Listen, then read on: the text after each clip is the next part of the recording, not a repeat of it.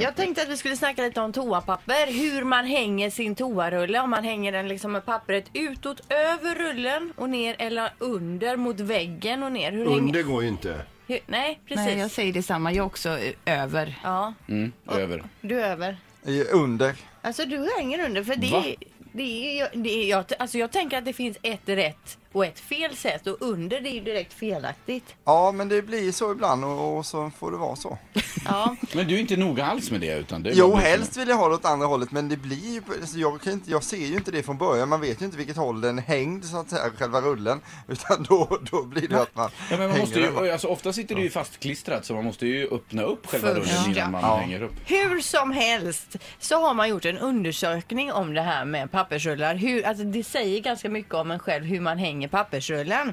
Enligt en amerikansk psykolog då, så, eh, som har gjort eh, en undersökning på 2000 personer, män och kvinnor mellan 18 och 75 år, så ehm, så kan man säga ganska mycket om hur ens privatliv ser ut genom det här då.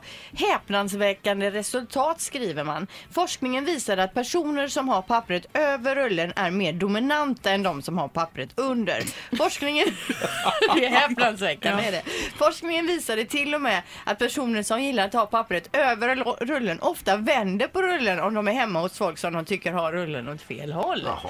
Men finns det ens någon, alltså förutom Erik då, och om man inte råkar göra fel, som har pappret åt andra hållet så att säga? Det är ju direkt Och felaktigt. så vitt man inte har gjort det utan misstag. Ja, men jag eller menar varit det. stressad. Ja, Men, Jag har aldrig sett det.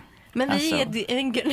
du har aldrig upplevt det. Jag har aldrig upplevt det i Häpnadsväckande. hela mitt liv. att Nej men veta vi något. är ett gäng dominanta människor här då, förutom halvtids-Erik också. Det är kanske därför han har halvtid.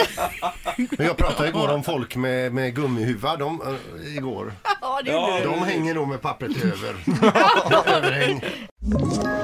Ett poddtips från Podplay. I podden Något Kaiko garanterar östgötarna Brutti och jag, Davva, dig en stor dos skratt. Där följer jag pladask för köttätandet igen. Man är lite som en jävla vampyr.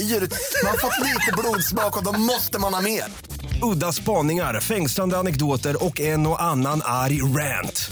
Jag måste ha mitt kaffe på morgonen för annars är jag ingen trevlig människa. Då är du ingen trevlig människa, punkt. Något Kaiko, hör du på Podplay. Därför arkadeinerna.